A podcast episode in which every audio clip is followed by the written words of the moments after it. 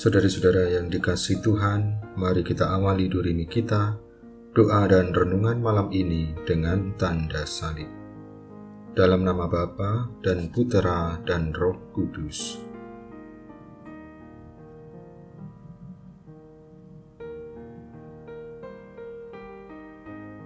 Stephen Grusu kembali menceritakan kisahnya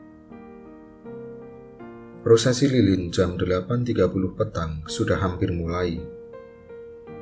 Para pesiarah berjalan dalam formasi yang khidmat sambil membawa lilin menyala, mulai menuruni taman dipimpin oleh pembawa plakat.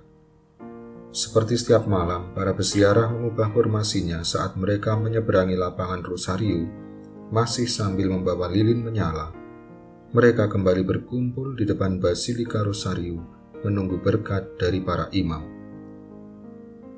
Malam ini saat aku menyeberangi Rosary Square, aku memperhatikan barisan depan arah-arahan ini masih terus bergerak maju, sementara para peziarah di barisan belakang mulai bubar.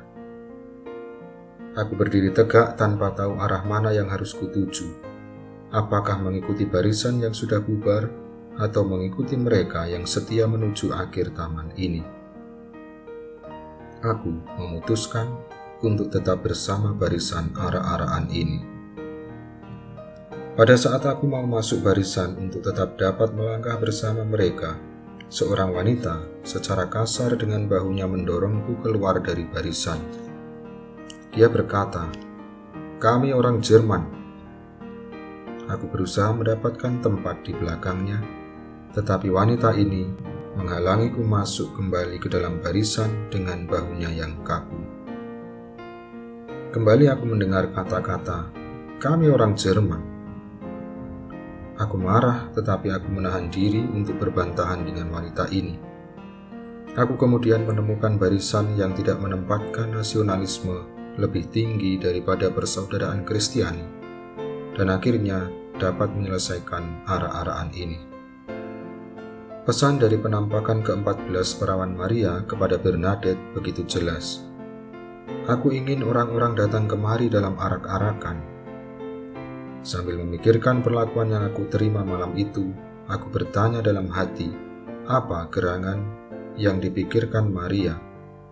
Beliau tidak berkata, aku ingin orang Jerman, Amerika, Prancis datang kemari dalam sebuah prosesi. Bagaimanapun juga arah-arahan ini ditujukan untuk mengutamakan persaudaraan Kristiani kita.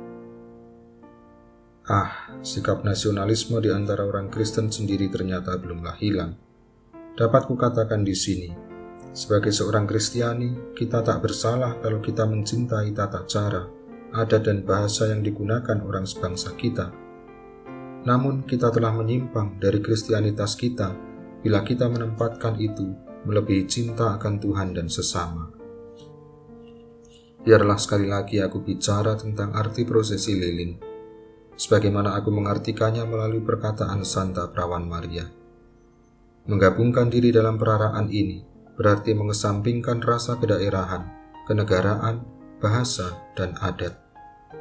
Secara simbolis, peraraan ini merupakan sebuah gerak perjalanan untuk mencapai tempat yang dituju umat manusia.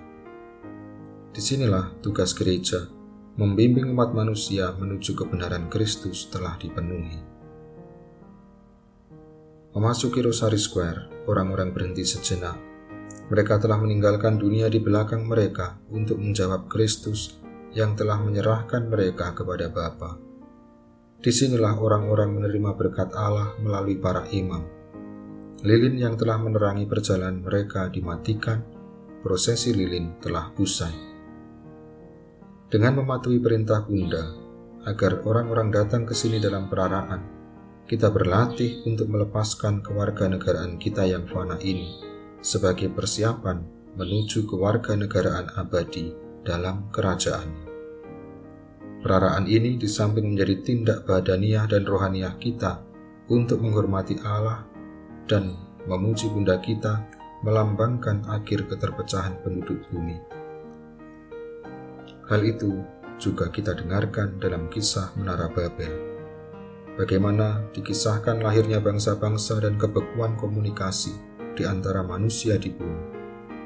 Cerita ini mengisahkan orang-orang yang telah begitu jauh menyimpang dari Allah, yang pemikirannya begitu murahan sehingga mereka berpikir bisa membangun menara untuk mencapai surga. Begitulah mereka mencoba mencapai keselamatan mereka sendiri saja. Pentakosta adalah kelanjutan dari kisah Babel. Kita semua mendengar mereka orang Galilea itu berbicara dalam bahasa-bahasa kita sendiri mengenai hal-hal besar yang telah dilakukan Allah.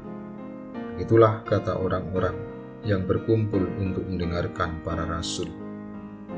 Di sini Roh Kudus berbicara melalui mulut para rasul, membuka kembali komunikasi, dan satu suara kebenaran terdengar oleh mereka semua. Bahasa cinta Tuhan melebihi Babel bahasa-bahasa yang membuat orang-orang pria dan wanita menderita, bingung, dan terpecah belah begitu lama. Orang-orang yang sama ini hari ini berkumpul bersama di tempat suci bunda kita dari Lourdes. Pesiarah-pesiarah dari segenap pelosok bumi, Dakar, Chicago, White, Copenhagen, Trinidad, dan Afghanistan. Roh Kudus yang sama, bahasa cinta yang sama, bahasa Allah adalah setiap saat dalam hidup kita yang ditawarkan kepada kita. Ini adalah bahasa cinta yang membuat Yesus bisa mengatakan, "Aku telah mengalahkan dunia." Ya Tuhan, perkenankanlah kami mencintai satu sama lain di bumi seperti di surga. Mari saudara-saudara, sebelum kita beristirahat malam ini, kita mohon belas kasih dan kerahiman Tuhan. Allah yang Maha Rahim, aku menyesal atas dosa-dosaku. Aku sungguh patut engkau hukum, terutama karena aku telah tidak setia kepada engkau yang maha pengasih dan maha baik bagiku.